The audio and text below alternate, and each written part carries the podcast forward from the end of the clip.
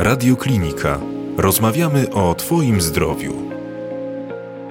Dzień dobry Państwu. Witam serdecznie w kolejnym podcaście Radiokliniki. Ja nazywam się Ewa Michalska, a do dzisiejszej rozmowy zaprosiłam pana doktora Mariusza Panczyka, profesora nauk medycznych i nauk o zdrowiu w dyscyplinie nauki o zdrowiu z Zakładu Edukacji i Badań w naukach o zdrowiu Wydziału Nauk o Zdrowiu Warszawskiego Uniwersytetu Medycznego. Pan profesor jest współautorem przeglądu badań dotyczących występowania cukru w owocach, warzywach, sokach oraz jego wpływu na dietę. No i właśnie o tym cukrze sobie dzisiaj porozmawiamy. Panie profesorze, jak to jest z tym cukrem w naszej codziennej diecie? Nie ulega wątpliwości, że współcześnie jesteśmy narażeni na jego nadmiar w codziennym naszym jadłospisie. I tutaj na przykład możemy go znaleźć w wędlinach, możemy go znaleźć nawet w chlebie, więc nie jest to takie oczywiste, tak? a on tam się znajduje. Z drugiej strony pewna ilość węglowodanów w diecie jest nam y, po prostu potrzebna, tylko właśnie zależy jakich węglowodanów. I właśnie może od tego wyjdziemy, bo to nie jest bez znaczenia. Zacznijmy od przypomnienia pewnej wiedzy, uporządkowania tej wiedzy i powiedzmy sobie, jaki mamy podział węglowodanów i jaką odmienną rolę fizjologiczną pełnią one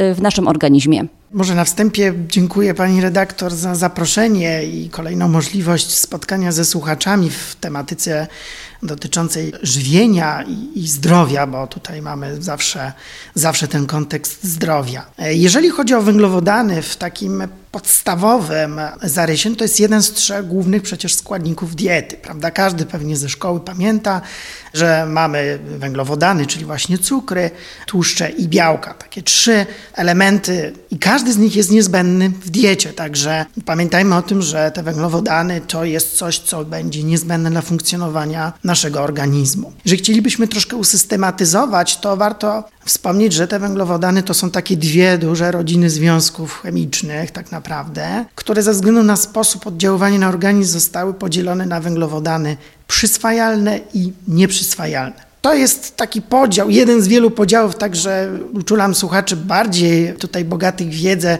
żeby mi nie zarzucili uproszczeń. Po prostu jest to jeden z takich podziałów, który jest stosowany i chyba dość intuicyjnie też mówi nam, jaka jest rola tych dwóch odrębnych e, grup węglowodanów. A więc węglowodany przyswajalne to będą takie węglowodany, które nasz organizm będzie wchłaniał, czyli spożywamy pokarm, który zawiera węglowodany.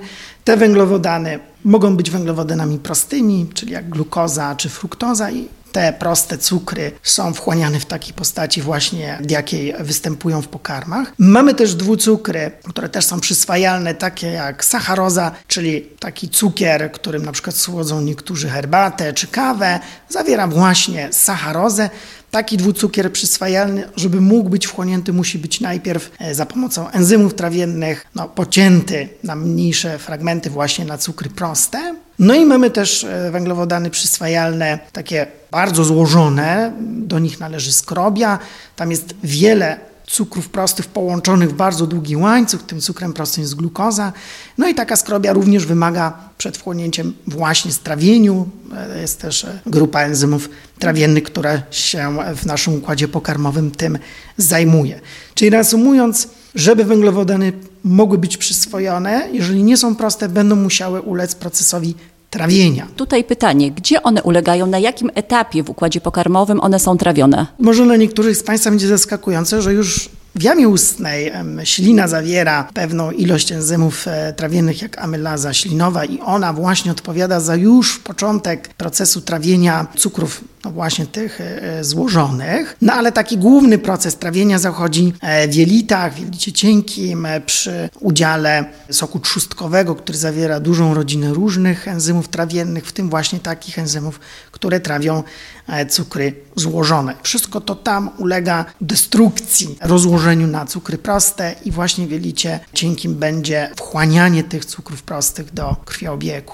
Natomiast y, jak jest z węglowodanami nieprzyswajalnymi? Innymi, tak? Bo to jest druga grupa e, właśnie cukrów, węglowodany nieprzyswajalne i one trochę inną rolę taką fizjologiczną w organizmie pełną. Tak jest. Węglowodany nieprzyswajalne, jak nazwa wskazuje, no nie będą wchłaniane przez organizm, co nie jest według e, współczesnej wiedzy do końca prawdą. Za chwilę też e, ten, ten wątek poruszę. Ale tak generalnie węglowodany nieprzyswajalne najczęściej kojarzone są z błonnikiem pokarmowym, aczkolwiek jest tam więcej różnych związków, nie, nie jest to jakiś jeden związek chemiczny, ale pod hasłem błonnik kryją się właśnie cukry złożone o bardzo rozgałęzionej budowie, na które ludzkie enzymy trawienne no, nie mają wpływu, czyli upraszczając, ten błonnik po prostu przechodzi przez nasz układ pokarmowy, nie ulega trawieniu, więc nie może być wchłonięty, tak jak to było w przypadku węglowodanów przyswajalnych. No, ktoś mógłby się zapytać, to po co tyle rozmawiamy w ogóle o błonniku w wielu kontekstach, jeżeli on jakby przechodzi przez układ pokarmowy bez zmian. No nie jest to do końca prawda, że bez zmian. Błonnik generalnie ma taką właściwość, że lubi wchłaniać wodę, tworzy takie, taką żelowatą strukturę, jest e, bardzo istotny dla formowania się takiej masy e, kałowej, no i potem w związku z tym także ułatwia wydalanie resztek, które no, nie zostały strawione, organizm ich nie przyswoił, więc zostają wydalone wraz z kałem. To jest jedna z ważnych funkcji tego błonnika, żeby ułatwić właśnie tworzenie się masy kałowej, tworzenie się takiej masy, która będzie mogła powiedzmy w gładki sposób przejść przez jelito grube i być e, wydalone. Jelito grube, żeby mogło funkcjonować, musi być trochę stymulowane do pracy. Tak, taki proces motoryczny, tam są mięśnie e, takie, które powodują, że te masy, które mają być wydalone są przepychane, przetłaczane, coraz niżej w przewodzie pokarmowym, aż dochodzi do wydalenia. I właśnie ten błonnik też pełni taką rolę, powiedzmy, stymulowania jelita grubego do takiej pracy motorycznej. I jest jeszcze jedna ważna funkcja tego błonnika, to jest także materiał dla bakterii, które e, mikrobioty jelitowej, która w naszym jelicie, między innymi grubym, zasiedla i tam ma bardzo ważną rolę, już teraz wiemy, jest szereg badań o tej mikrobiocie i ta mikrobiota potrzebuje między innymi właśnie błonnika do tego, żeby dobrze tam funkcjonować. I tutaj wracam do tego, że to nie do końca tak jest, że nic się nie dzieje z tym błonnikiem na poziomie naszego układu pokarmowego, się ta mikrobiota trochę właśnie powoduje jakby trawienie tego błonnika i część produktów trawienia tego błonnika będzie ulegać wchłonięciu w, w naszym przewodzie pokarmowym. Stąd kiedyś mówiono, że błonnik ma zerową kaloryczność, no teraz wiemy, że niewielki, to jest bardzo mała udział kaloryczności. Jest właśnie ze względu na te produkty metabolizmu tych e, bakterii, które bytują w jelicie człowieka, te metabolity ulegają wchłonięciu. Ale te metabolity też wiemy, że mają ważne znaczenie dla funkcjonowania organizmu. Wiemy też, że jest taka oś jelito-mózg, wiele problemów prawdopodobnie związanych z chorobami, jak zespół jelita drażliwego, prawdopodobnie związane z zaburzeniem funkcjonowania tej mikrobioty jelitowej i być może właśnie również w związku z tym nieprawidłowym dostarczaniem odpowiedniej ilości błonnika w codziennej diecie. Także nazwa nieprzyswojona jest może trochę historyczna, ale dla takiej jasności podziału myślę, że to jest dość istotne. No i gdzie ten błonnik jest? No oczywiście on jest w wielu warzywach i owocach, czyli jeżeli spożywamy jabłko jako owoc, czy gruszkę, na pewno dostarczamy sporej ilości właśnie błonnika, ale mamy też na przykład brokuły, mamy fasole, prawda, buraki.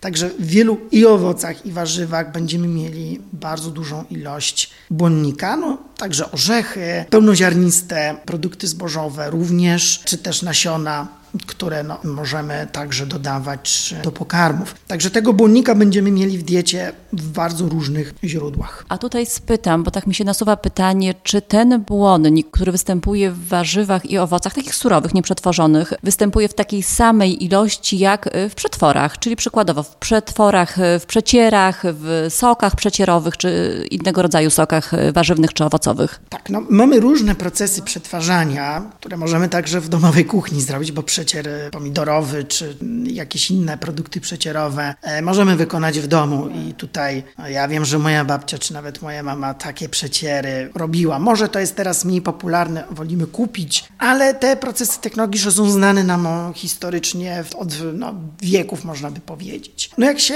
pewnie słuchacze domyślają, każdy taki proces powoduje pewną zmianę składu. No, nie ma takiej możliwości, żeby to, co jest w surowym warzywie, owocu, przeszło nam w identycznej postaci, na przykład do przecieru czy do soku. I głównym właśnie skutkiem, e, który obserwujemy w wyniku tego przetwarzania, będzie utrata pewnej ilości błonnika. Także w tych produktach, które wytwarzamy, w sokach czy przecierach, będzie mniejsza ilość błonnika niż pochodzący z owoców czy warzyw, ten produkt, z którego wytwarzamy te przetwory. E, natomiast warto tutaj wspomnieć, że no, mamy różnego rodzaju soki, prawda? Mamy soki klarowane, które będą zawierać znikomą ilość błonnika. Soki mętne w związku z tym będą bogatsze nieco w ten błonnik, ale no oczywiście nadal jest to mniej niż w owocu, z którego ten sok mętny wytworzyliśmy, prawda? I to jest taka, rozumiem, zasada, że zawsze w sokach, czy to warzywnych, czy owocowych, ilość błonnika będzie mniejsza niż, niż w warzywach i owocach surowych, tak? Nie ma tutaj wyjątków od tej reguły. No nie, nie ma takiej możliwości. Oczywiście przeciery będą miały jeszcze większą e, zawartość tego błonnika w porównaniu do soków mętnych, no a tym bardziej do e, soków klarowanych. Dlaczego tak jest? Dlatego, że głównym składową, w której występuje błonnik jest ściana komórkowa. Ściana komórkowa komórki roślinnej zawiera przede wszystkim błonnik. To są różne związki, tak jak powiedziałem, błonnik to jest pewna rodzina związków chemicznych. Także jeżeli chcemy utrzymać z, z czegoś, co no, wygląda na coś stałego, jak owoc czy warzywo, pozbędziemy się tych elementów stałych, które są właśnie ścianą komórkową, no to właśnie pozbywamy się tą drogą e, głównie właśnie błonnika. No i stąd wynika to zubożenie po prostu w ten, w ten błonnik w tego rodzaju przetworach. A jak jest, panie profesorze, z zawartością cukrów, y, czyli tak, w surowych warzywach i owocach, no może w owocach szczególnie tak, bo w warzywach tego cukru y, nie jest dużo, naturalnego, natomiast y, w porównaniu z warzywami i owocami surowymi zawartość cukru w przetworach, w tym między innymi też i w sokach, zmienia się i jak się zmienia? No tak, tu mogliśmy powiedzieć, że jest pewna prze, przeciwna sytuacja. W większości przypadków mamy większą koncentrację, nie tylko jednak węglowodanów. E, dlatego, że ta koncentracja będzie też dotyczyć takich bardzo ważnych w przypadku soków składników, jak właśnie chociażby polifenole, prawda, czy niektóre witaminy, bo nie wszystkie, czy mikroelementy. Także proces takiego zatężania, zwiększenia koncentracji cukrów w sokach. Jemu będzie towarzyszyć także wzrost koncentracji chociażby polifenoli, czy tych umownie nazwijmy przeciwutleniaczy o niezwykle istotnej prozdrowotnej e, roli. Co jeszcze może nastąpić w wyniku tego, że no, wytwarzamy soki? Może nastąpić pewna utrata wody również, stąd właśnie zwiększenie koncentracji w stosunku do surowych owoców czy warzyw, z których na przykład przygotowujemy E, sok. Ta utrata jest bardzo różna w zależności od tego, o jakim owocu czy warzywie mówimy, no i oczywiście o soku, który z tego później powstaje. E, warto jednak wspomnieć, że sok, który powstaje, jeżeli on ma być sprzedawany, musi spełniać pewne ustawowe wymogi, które mówią nam o tym, że generalnie do tak wytworzonych soków nie wolno nam dodać cukru. Nie możemy dodać po prostu cukru tego tak zwanego rafinowanego, czyli posłodzić, prawda? Jeżeli chcemy używać nazwy sok i go sprzedawać pod taką nazwą. Są do tego ścisłe przepisy, zresztą unijne, kiedyś tak zwana dyrektywa sokowa, mamy też rozporządzenie o etykietowaniu, rozporządzenia, niektóre dokładnie mówią, że do soku dodać takiego cukru nam nie wolno. Może Państwo spotkali inny rodzaj asortymentu na półkach na przykład nektar, który może być z dodatkiem cukru. I tutaj warto wspomnieć o pewnej grupie produktów, z których soki raczej się nie sprzedaje. To jest na przykład czarna porzeczka, która daje bardzo kwaśny sok i który no, raczej konsument nie zaakceptuje ze względów smakowych, tak, sensorycznych. I zwykle z takich bardzo kwaśnych owoców wytwarza się nektary o bardzo dużej procentowej zawartości soku. Pozostałe oczywiście dodatek jest zwykle wody i one mają dodatek pewnego cukru, więc warto też zwrócić uwagę na niektóre nektary, które wytwarzane są właśnie dlatego, że po prostu sok byłby ciężki do zaakceptowania, no po prostu smakowo. Nawet dla osób, które generalnie lubią kwaśne rzeczy, mógłby być to sok trudny do spożycia. No i mamy też soki fermentowane, bardzo ciekawa grupa. One powstają w ten sposób, że zachodzi tam proces fermentacji, w której uczestniczą na przykład bakterie, które naturalny cukier, te cukry, które są zawarte i nadają słodycz sokom, będą w procesie fermentacji, takim procesie chemicznym, który tam zachodzi, rozkładane do produktów kwasowych, jak na przykład kwas mlekowy, co to powoduje, że redukujemy cukry, czyli tą słodycz, ale na korzyść zwiększenia kwasowości, prawda? E, w związku z tym soki fermentowane no, są po prostu kwaśne ze względu na ten proces fermentacji, który tam zachodzi. Te soki są coraz bardziej popularne. Zawierają też szereg bardzo cennych składników, no bo oczywiście mogliśmy mówić, że kwas mlekowy tam jest, ale pamiętajmy też, że mówimy tu i o probiotykach, prebiotykach, czy też nawet i postbiotykach teraz, które mogą pełnić bardzo ważną funkcję, no, chociażby dla naszego przewodu pokarmowego, wracając do mikrobioty.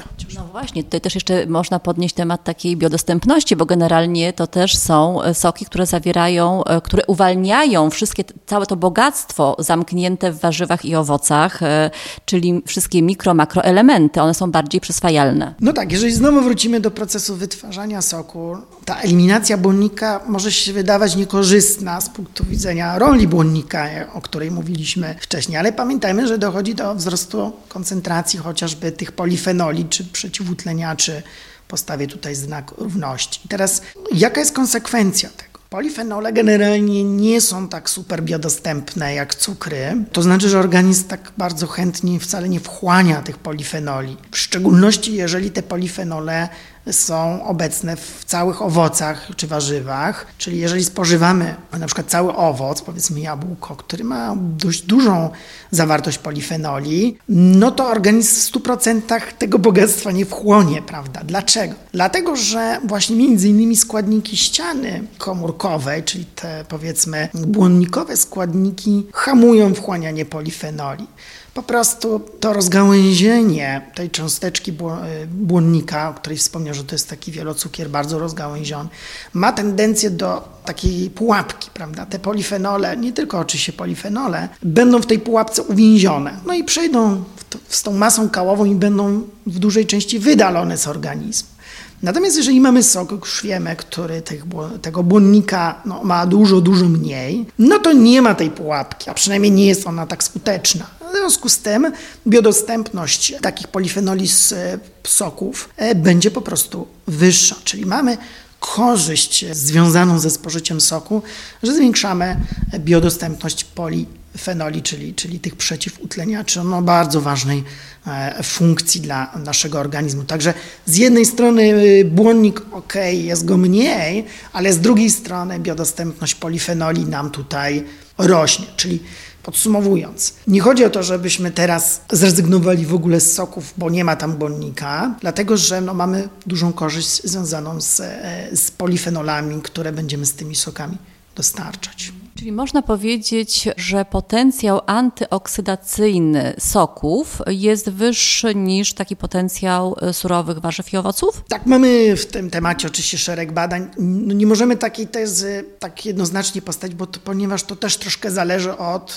rodzaju owoców i proces produkcji samych soków jest różny. A pamiętajmy, że oczywiście biodostępność nie będzie zależna tylko od błonnika, prawda? Także tutaj ten proces wchłaniania jest dość złożony i inne związki, które są obecne, również mogą blokować wchłanianie polifenoli. Pamiętajmy też, że no przecież nie spożywamy zwykle soków w oderwaniu od innych pokarmów, także mm, też to wszystko, co spożywamy w danym czasie, prawda, będzie miało na to wpływ. Także pamiętajmy pewne ograniczenia metodologii badań, z których te wnioski, o których mówię, są, bo możemy mieć badania, w których badamy po prostu biodostępność polifenoli, tak zwanych badaniach ex vivo, czyli poza organizmem żywym. No i mamy pewne takie modele, takie sztuczne błony, prawda, które trochę naśladują na błony kielita i, i tam to wchłanianie jest możliwe do takiego pełnego zmierzenia. No ale pamiętajmy, jest to pewien model, który przybliża rzeczywistość, ale nie w 100%.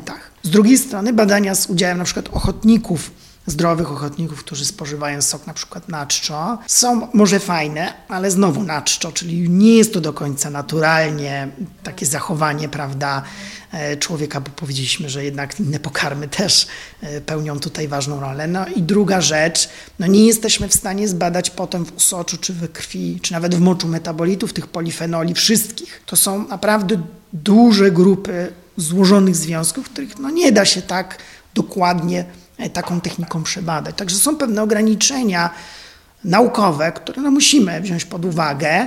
I ja wiem, że wiele osób, w tym pewnie też część słuchaczy, chciałoby takie czarno-białe, prawda, mieć e, tezy, prawda, że ja mówię, że tak, to jest 100% tego, a to nie, to jest 0%. Nauka nie dostarcza nam tak jednoznacznych dowodów w większości przypadków. Musimy się po prostu z tym pogodzić, że nie jest to takie doskonałe, jakbyśmy chcieli ale te przesłanki, o których mówię, to są dość silne, no i na tym etapie zaawansowania wiedzy i technologii badawczych, urządzeń który, pomiarowych, wiemy to, co wiemy i musimy się pogodzić z tą niedoskonałością świata, którą badacze no, mogą badać instrumentami, którymi dysponują. No tak, no, generalnie dieta współczesnego człowieka jest dietą dość e, monotonną, obfitującą w wiele produktów przetworzonych. No, e, wiele osób zmaga się ze stanem dysbiozy jelitowej, gdzie ta wchłanialność jest też zaburzona, więc e, tutaj jakby dieta bogata w warzywa, owoce, w przetwory warzywno-owocowe wydaje się być takim rozwiązaniem, które tutaj też prze, przeciwdziała tym problemom tak, współczesnego człowieka, jeżeli chodzi chodzi o y, sposób odżywiania i te zaburzenia układu pokarmowego. Zgadza się.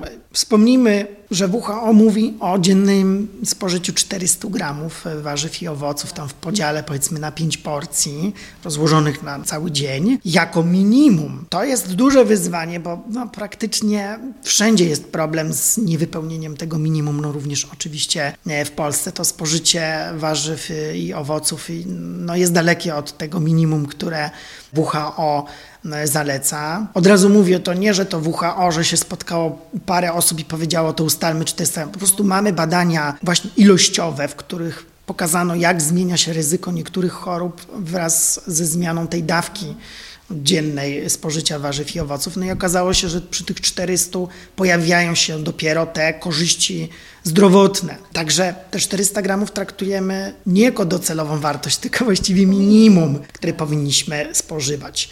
Oczywiście może być pytanie warzyw i owoców, co to znaczy? No, mówi się, powinien być większy udział warzyw, nieco mniejszy owoców w tych 400 gramach. To można mówić, powiedzmy, na przykład, jeżeli to jest 5 porcji, to 3 plus 2, powiedzmy. W tym Także może być rekomendacja, która mówi, że wśród tej podwójnej dawki owoców jedna może być szklanką soku. Prawda? Także e, taki model, e, gdybyśmy przyjęli w codziennej diecie, na pewno byłby dobrą rekomendacją dla, dla każdego, który jest zdrowy, nie jest obciążony na przykład cukrzycą, e, która no tutaj pewnie powiemy sobie jeszcze o tym przypadku, ale dla takiego przeciętnego zdrowego, dorosłego człowieka taki schemat 3 plus 2, w tym właśnie jedna porcja soku e, dziennie to jest bardzo dobre rozwiązanie. Również możemy oczywiście jedną z porcji warzyw zamienić sokiem warzywnym, czy wielowarzywnym, bo zwykle to są jednak wielowarzywne soki w takim e, na półce sklepowej, jak widzimy, asortyment. To jest też dobra, dobre rozwiązanie. Wiemy, że tradycyjnie w polskiej kuchni zwykle jest tak, że drugie danie obiadowe to ma jakąś tak zwaną surówkę, prawda? Gdzie mamy jakąś marchewkę, gdzie, gdzie mamy jakieś sałaty, powiedzmy. Czasami może być to z buraka również e, jakaś e, sałatka. No ale to jest bardzo mała porcja, jeżeli przyjrzymy się 400 gramom, prawda? Także powinniśmy myśleć także, co powinno uzupełnić na przykład śniadanie, albo co powinno uzupełnić kolacja, albo na przykład drugie śniadanie, czy to może być na przykład owoc, tak? Czy na przykład jeżeli dziecko ma drugie śniadanie w szkole, czy to nie może być na przykład jabłko, prawda? Czy to nie może być też porcja soku, prawda, na przykład owocowego albo owocowo-warzywnego. Mamy często marchew z jabłkiem, prawda, w soku. Mamy czasami jeszcze malinę do tego, prawda? Także są możliwości urozmaicenia tej monotonnej diety, ale przy okazji spełniając to kryterium, powiedzmy, minimum WHO, o którym tutaj mówię. Takim fajnym rozwiązaniem jest sok e, przykładowo pomidorowy, bogaty w likopen, który jest też bardzo silnym antyoksydantem, tak? I tego likopenu jest na pewno więcej w takim soku pomidorowym niż w pomidorze. Zgadza się. Zresztą zwykle sok e, pomidorowy jest przecierowy. Tak na marginesie możemy powiedzieć, że, że jest to sok owocowy, to znaczy pomidorowy sok jest owocowy i, i tutaj często słyszę takie opinie, że Unia Europejska ma jakieś dziwactwa. Jednym z nich jest to właśnie, ale no, botanicznie po prostu jest to owoc, więc traktujemy to jako sok owocowy, mimo że on e, nie jest słodkim owocem, więc i sokiem nie. Ma dość wysoką kwasowość, stąd często spotkam, spotykamy sok pomidorowy który mm, zawiera dodatkowe przyprawy, może też e, zawierać nieco soli dodatkowej, żeby właśnie trochę poprawić te właściwości sensoryczne. Po jednym z dozwolonych e, przez ustawodawcę praktyk jest możliwość stosowania przypraw chociażby, może być to sól, pieprz, ale właśnie często w soku pomidorowym mamy bazylię, oregano, które się ładnie komponuje i takie soki są bardzo fajnym uzupełnieniem codziennej diety.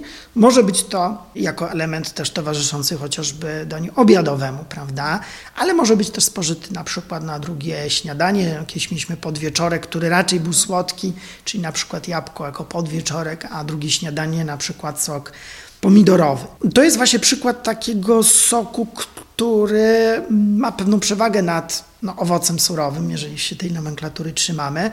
No bo mamy dość dużą koncentrację właśnie tego likopenu, ale też nie zapominajmy o źródle potasu, który też właśnie w soku pomidorowym to jest też duża, duża dawka, a potas często jest niedocenianym. E, tak wszyscy mówią o redukcji sodu, bo naciśnienie i tak dalej. Zapominamy, że dla równowagi tych elektrolitów to nie tylko o sód chodzi, ale również o odpowiednią dużą ilość potasów w, w diecie, no i potem oczywiście w, w, płynach ustrojowych. Także dla osób starszych przede wszystkim ten e, sok pomidorowy jest zalecany. Zgadza się. No tutaj u osób starszych też czasami pokutuje to, że niestety tam dochodzi często do odwodnień też. Także są generalnie niedobory elektrolitów. I nawet w tym sodu są problemy z bardzo niskim sodem u osób starszych. E, także pamiętajmy, że soki to również jest nawadnianie, więc jest to dobra alternatywa. Plus no, w wieku takim 65 e, plus często jest też problem z uzębieniem, więc spożycie np. całych owoców może być problematyczne a sok jest tutaj dobrą formą, w której będziemy mogli dostarczyć i wodę, i elektrolity, no i oczywiście bogactwo witamin i tych przeciwutleniaczy. Czyli panie profesorze, nie, boi, nie bójmy się chyba tego cukru, jeżeli będziemy przestrzegać tych norm, te, tych 400, tak, mówimy 400 gram w codziennej diecie e, soków, nie bójmy się cukrów, które występują w sokach warzywnych czy owocowych i chyba też nie, nie wolno nam, znaczy nie chyba, tylko na pewno nie wolno nam traktować tego cukru jako ekwiwalentu cukru, który jest w produktach przetworzonych, tak? bo to jest zupełnie inny rodzaj cukrów. E, I tutaj znaczenie i e, fizjologiczne dla organizmu też jest zupełnie różne. Tak, no może wyprostujmy. Raczej rodzaj jakby cukru pod względem chemicznym no jest ten sam. To znaczy czy glukoza, czy fruktoza, czy sacharoza nawet, która jest na przykład zawarta w słodyczach, no to chemicznie jest ten sam związek chemiczny, co będzie na przykład o, te cukry obecne w sokach. Natomiast ważne jest, w jakim otoczeniu ten cukier się e, znajduje, bo to będzie miało istotny wpływ na to, jak nasz organizm, czyli właśnie ta reakcja metaboliczna po spożyciu nastąpi. Jest ona po prostu inna. I teraz, jeżeli pamiętacie Państwo, jak mówiłem o polifenolach, one są przeciwutleniaczami, one też mają ważną funkcję w kontroli glikemii, czyli tego, jak jest stężenie e, cukrów e, we krwi, na przykład po spożyciu. Prawda? Jeżeli wypijemy Napój słodki, takie napoje czy gazowane, niegazowane, na rynku jest ich bardzo dużo i, i wiemy, że jest problem z nadmiarem ich spożycia. One po ich spożyciu następuje bardzo gwałtowny wzrost stężenia właśnie glukozy we krwi. Dlaczego? Dlatego, że tam nie ma żadnego mechanizmu spowalniającego wchłanianie. Jest to natychmiastowe, a to już e, może zachodzić nawet w jamie ustnej, to wchłanianie tych cukrów prostych. W związku z tym mamy taki pik, taki bardzo duży skok stężenia tej glukozy we krwi. Mówimy, że mamy gwałtowny wzrost glikemii, to jest takie fachowe określenie. Co to powoduje dla naszego organizmu? To dla naszego organizmu przede wszystkim powoduje duże obciążenie tych komórek trzustki, które wytwarzają insulinę, ponieważ organizm chce wyrównać, chce obniżyć, mówiąc prosto, stężenie glukozy do takich fizjologicznych poziomów, więc te komórki trzustki wysp trzustkowych, które produkują insulinę, muszą bardzo dużo tej insuliny w krótkim czasie uwolnić. A te komórki mają to do siebie, że one nie mogą tak w nieskończoność. To znaczy z wiekiem wyczerpuje się ich zdolność do takiej reakcji. No i ma, rozwija się po prostu cukrzyca no, typu drugiego, to jest najczęściej związana właśnie z tą wieloletnią ekspozycją na takie cukry pochodzące właśnie chociażby ze słodkich napojów czy słodyczy. Natomiast w przypadku, kiedy spożywacie ją Państwo na przykład sok, wprawdzie nie ma tego hamulca w postaci błonnika, ale jest obecność polifenoli, które również regulują glikemię. To jest jedna z funkcji, nie tylko ta przeciwutleniająca, ale też mamy szereg badań, które pokazują, że niektóre z polifenoli mają zdolność regulowania tej glikemii właśnie tak zwanej poposiłkowej. W związku z tym ta, tak ładnie mówiąc, kinetyka, ta dynamika wchłaniania glukozy z soków jest inna niż ze słodkiego napoju, nawet jeżeli byśmy mieli tą samą zawartość cukrów. I to jest ten klucz, o którym tutaj rozmawiamy. Oczywiście pomijam obecność też soku witamin, mikroelementów, których w słodkich napoju po prostu nie ma. Czyli mamy no, szereg dodatkowych korzyści jeszcze ze spożycia soku. Także absolutnie nie możemy stawiać tego znaku równości, że jeżeli powiedzmy w soku jest 10 gramów na 100 ml cukrów prostych i spożyjemy napój e, słodzony, który też zawiera 10 gramów e, cukrów, to nie jest to dla reakcji organizmu to samo, tak? I żywieniowo również nie jest to to samo. W momencie, kiedy spożywamy taką żywność wysoko przetworzoną, czy są słodycze, czy jakieś takie napoje z dodatkiem cukru, robimy tak, że ta dysbioza jelitowa się pogłębia przykładowo, tak? No tak, no to zdecydowanie, no to jest jeszcze już kolejna korzyść, którą moglibyśmy wymienić, czyli jakby samo ta fizjologia funkcjonowania przewodu pokarmowego. Pamiętajmy, że to jest układ, tam jest wiele narządów, które no, są obciążone pracą, e, nawet w nocy. Do prawidłowego funkcjonowania tego układu każdy z tych elementów musi prawidłowo funkcjonować. No, to znaczy, co nie wystarczy, że mamy zdrowe ślinianki, zdrowe zęby, że możemy dobrze pogryźć pokarm i zmieszać go ze śliną, bo jeżeli nie będzie prawidłowo działać na przykład nasze jelita, które są miejscem przede wszystkim wchłaniania tych wszystkich ważnych związków substancji odżywczych, a jej to grube również formowania masy kałowej i wypróżnianie regularne, no to ten układ jako całość nie będzie funkcjonować prawidłowo, prawda? Czyli o ile spożycie batonika wymaga no jednak użycia jamy ustnej, bo trzeba coś pogryźć, to na tym kończy się funkcja taka motoryczna, potem jest problem, bo wchłaniamy dużą ilość e, cukrów. Tego typu produkty wysoko przetworzone zawierają też wiele różnego rodzaju wspomagaczy, dodatków takich technologicznych, które pozwalają wytworzyć taki produkt. One też mogą mieć negatywny wpływ na motorykę przewodu pokarmowego, funkcjonowanie tej mikrobioty jelitowej. Także to jest zupełnie inny sposób, w jaki organizm musi sobie poradzić z pokarmem tego typu, a jak musi sobie poradzić z pokarmem typu sok. Panie profesorze, czyli generalnie spożycie warzyw, owoców, soków warzywno-owocowych przez osoby, które zmagają się z cukrzycą, y, które zmagają się no, z otyłością, bo to jest już też choroba, czy osoby, które zmagają się z chorobami układu sercowo-naczyniowego, y, powinno być ograniczone, czy powinno być jakby spełniać te normy WHO tego dziennego spożycia? Może podzielmy trochę te schorzenia sobie na, na osobne zagadnienia. Jeżeli chodzi o problem otyłości, no on jest oczywiście złożony, bo otyłość może mieć różne przyczyny, ale powiedzmy w takim najprostszym ujęciu mamy problem z bilansem energetycznym. I jeżeli weźmiemy pod uwagę przede wszystkim owoce i soki owocowe, bo w przypadku warzyw tutaj mamy mniejszy jakby problem w oddziaływaniu na bilans energetyczny, no to musimy sobie powiedzieć, że musimy po prostu uwzględnić te cukry, które są w soku owocowym czy w owocu spożytym, w tym bilansie energetycznym. Czyli jeżeli mamy osobę, która ma otyłość, która chce ograniczyć spożycie energii w ciągu, w ciągu tej codziennej diety i ma jakąś granicę, nie wiem, 2000 kilokalorii, no to spożycie soku e, szklanki, czyli 200 ml, pozwala nam policzyć, ile tej energii po prostu dostarczyliśmy wraz z tym sokiem. Natomiast musimy pamiętać, że w związku z tym musimy myśleć o diecie jako pewnej całości. To znaczy nie spożywamy przecież tego soku. Jeżeli osoba jest otyła, która ma złe nawyki żywieniowe, a zwykle tak jest, no to musimy się zastanowić, gdzie jest ten nadmiar energii u tej osoby. On prawdopodobnie wynika no niestety ze spożycia produktów e, typu słodycze, które powinny być w pierwszej kolejności ograniczone w diecie. Pamiętajmy, że człowiek od, odzwyczaja się od cukru w dłuższym troszkę czasie, to nie jest z dnia na dzień i jest to problem także psychologiczny. E, być może warto pomyśleć o tym, czy nie zastąpić tego głodu, poczucia braku słodyczy właśnie ograniczając czy eliminując wręcz słodycza, na przykład spożywając sok w podzielonych jakichś porcjach czy owoc w ciągu dnia, ale zachowując bilans energetyczny. Wtedy te nasze głodne kubki smakowe, słodkiego smaku i nasz mózg, który jest do tej słodyczy przyzwyczajony, no będzie miał nieco łatwiejszą drogę, prawda? A przy okazji oczywiście pamiętamy, że dostarczamy no nie tylko cukry w tych sokach czy owocach. Czyli to jest jakby pierwsza rzecz, o której musimy w przypadku otyłości brać pod uwagę.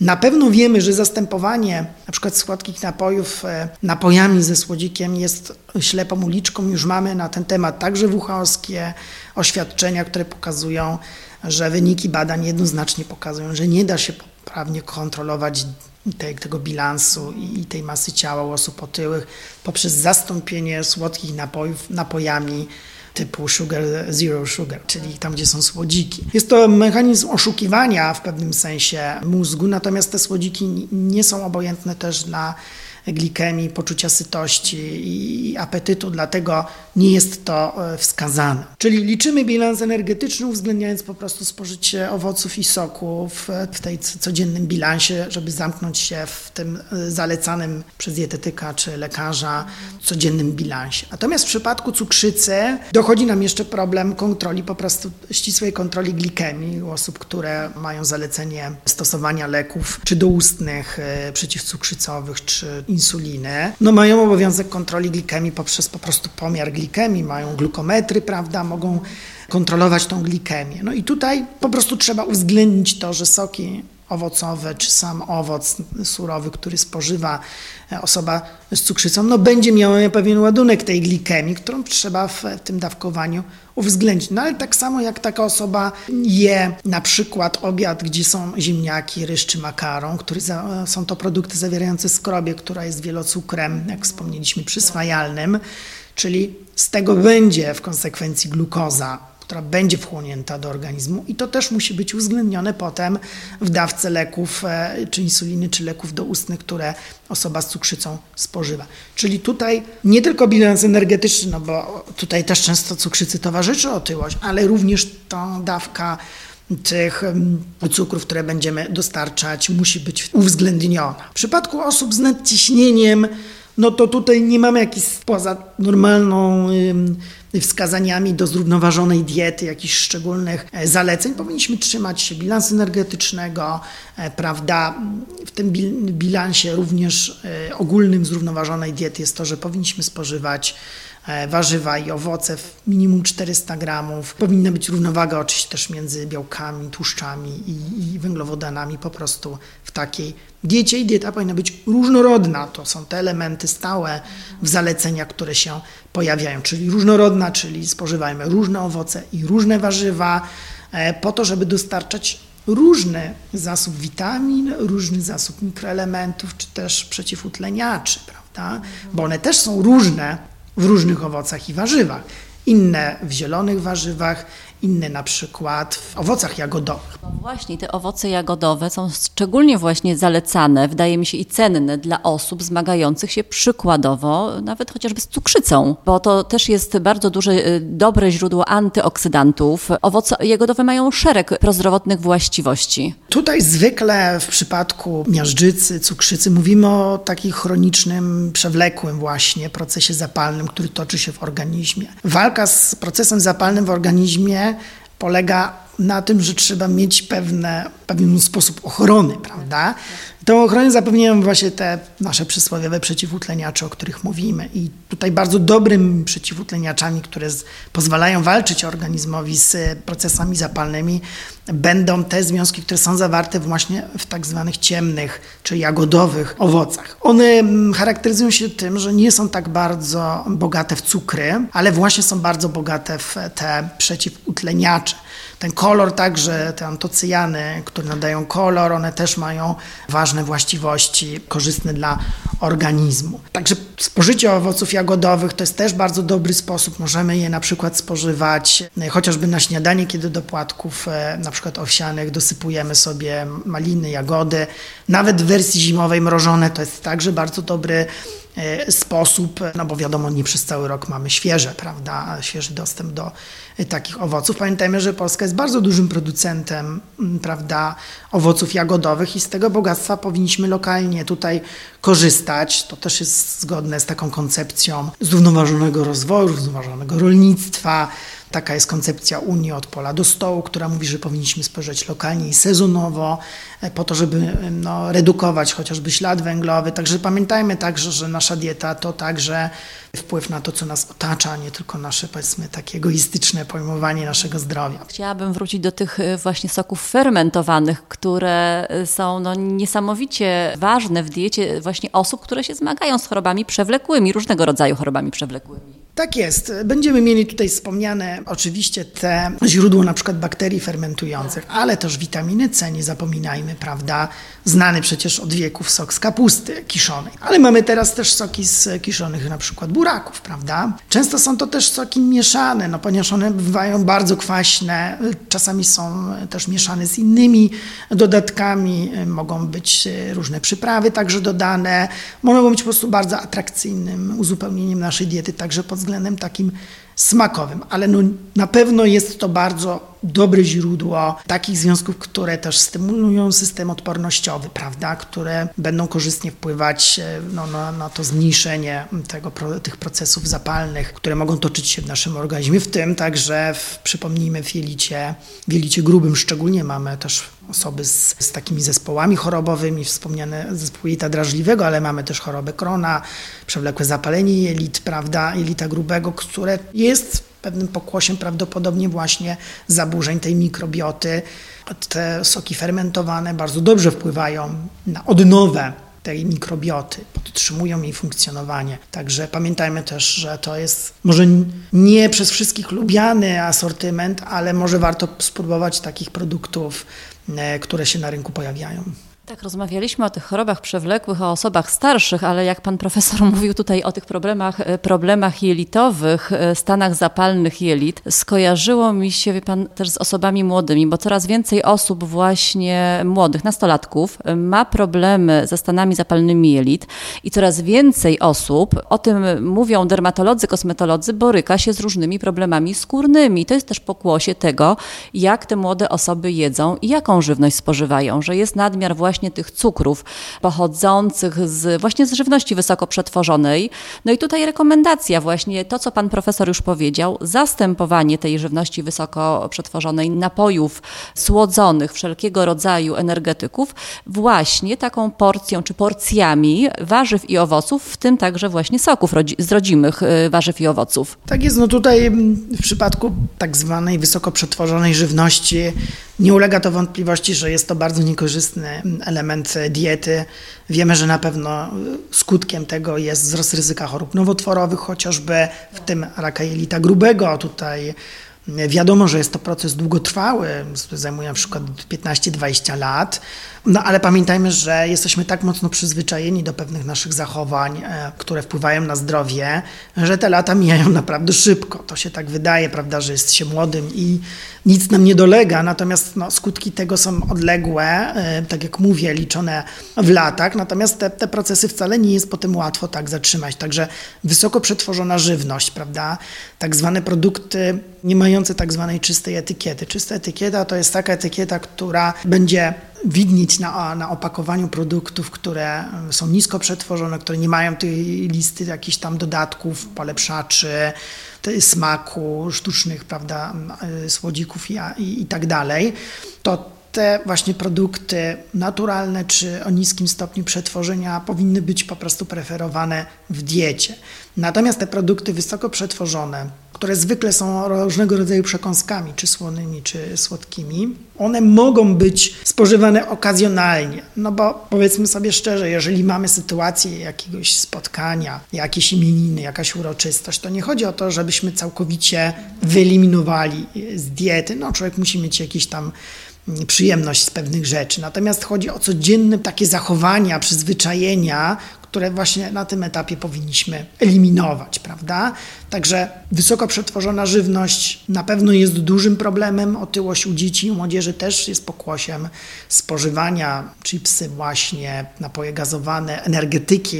To są rzeczy, które no, są dużym wyzwaniem dla edukatorów, dla wychowawców, nie tylko dla szkół, bo wiemy, że kształtowanie zachowań żywieniowych e, to głównie w rodzinie się odbywa, więc tutaj też duże wyzwanie dla, dla rodzin, a wiemy, że niestety dorośli mają swoje problemy z zachowaniem żywieniowym, trudno jest im przekazywać takie wzorce, kiedy sami prawda, ich nie, nie realizują. Jeszcze tak wracając do tej młodzieży, no to też właśnie często y, wiele godzin w szkole czy na uczelni spędzanych. Młody człowiek biegnie do sklepu, kupuje właśnie jakiś energetyk czy, czy batona, bo jest głodny. Można mieć w torebce przykładowo właśnie sok, tak, który zastąpi nam posiłek. Na pewno wpłynie lepiej na zdrowie niż taka wysoko przetworzona żywność, więc tutaj też zalecamy, żeby właśnie wybierać tego typu produkty, bo to na pewno wyjdzie nam na zdrowie i, no i przede wszystkim e, też właśnie w tym kontekście długofalowym, tak, że pewne nawyki żywieniowe będą się kształtowały, takie pozytywne, które też wpłyną na eliminację wielu chorób w wieku e, późniejszym, w wieku starszym. No, zdecydowanie jest tak, że wiemy, jeżeli młody człowiek jest przyzwyczajony, że na drugie śniadanie w szkole ma na przykład owoc czy sok, no to przenosi te zachowania potem na okres studiów i też pracy. No przecież drugie śniadanie nie jest go w szkole, prawda? powinniśmy myśleć też w kategoriach przyszłościowych. No i to ma, ma duże e, znaczenie takie powiedzmy wychowawcze, tak? To ma dłuższą perspektywę potem, pewną korzyść. Na szczęście wiemy też, że wracając już bardziej do osób dorosłych, że wielu pracodawców też do, dostrzega to, że zdrowie pracownika to jest również pewne oddziaływanie w miejscu pracy, prawda?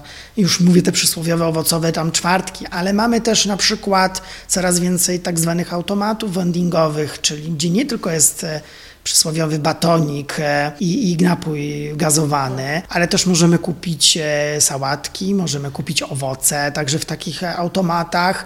To jest jakby też kierunek, w który no, jest jakimś próbą odpowiedzi na ten problem niskiego spożycia warzyw i, i owoców, a dużego spożycia tych e, produktów wysoko przetworzonych, no w tym oczywiście słodyczy i przekąsek różnego rodzaju. Panie profesorze, no czyli tak reasumując, stawiajmy na te warzywa, owoce, i przetwory warzywno-owocowe w codziennej diecie, bo nam to wyjdzie na pewno na zdrowie. Eliminujmy cukry, które znajdują się w produktach wysoko przetworzonych, bo tego nie potrzebujemy. Jak najbardziej możemy sobie bez tych produktów poradzić w codziennym y, jadłospisie. I osoby, które zmagają się z chorobami przewlekłymi, z cukrzycą, przede wszystkim zwracajmy uwagę na ten bilans energetyczny i żeby nie przesadzić z ilością cukrów, tak? Natomiast no, nie unikajmy. Nie ma ma absolutnie żadnych przeciwwskazań, żeby spożywać przetwory warzywno-owocowe tutaj w, ty, w tym przypadku. Tak jest. Bilans energetyczny. W przypadku cukrzycy mamy kwestię oczywiście kontroli glikemii, którą też niezależnie od diety musi cukrzyk prowadzić, prawda?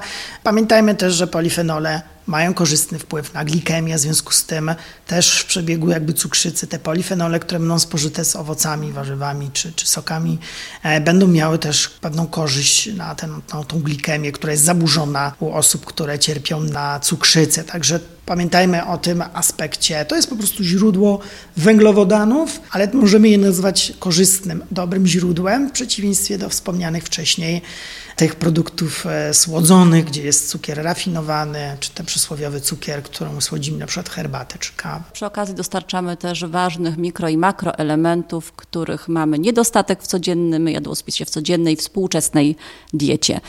Panie profesorze, bardzo dziękuję za tę rozmowę. Moim i Państwa gościem był dr Mariusz Panczyk, profesor nauk medycznych i nauk o zdrowiu w dyscyplinie nauki o zdrowiu z Zakładu Edukacji i Badań w Naukach o Zdrowiu Wydziału Nauk o Zdrowiu Warszawskiego Uniwersytetu Medycznego, współautor przeglądu badań dotyczących występowania cukru w owocach, warzywach, sokach oraz jego wpływu na dietę.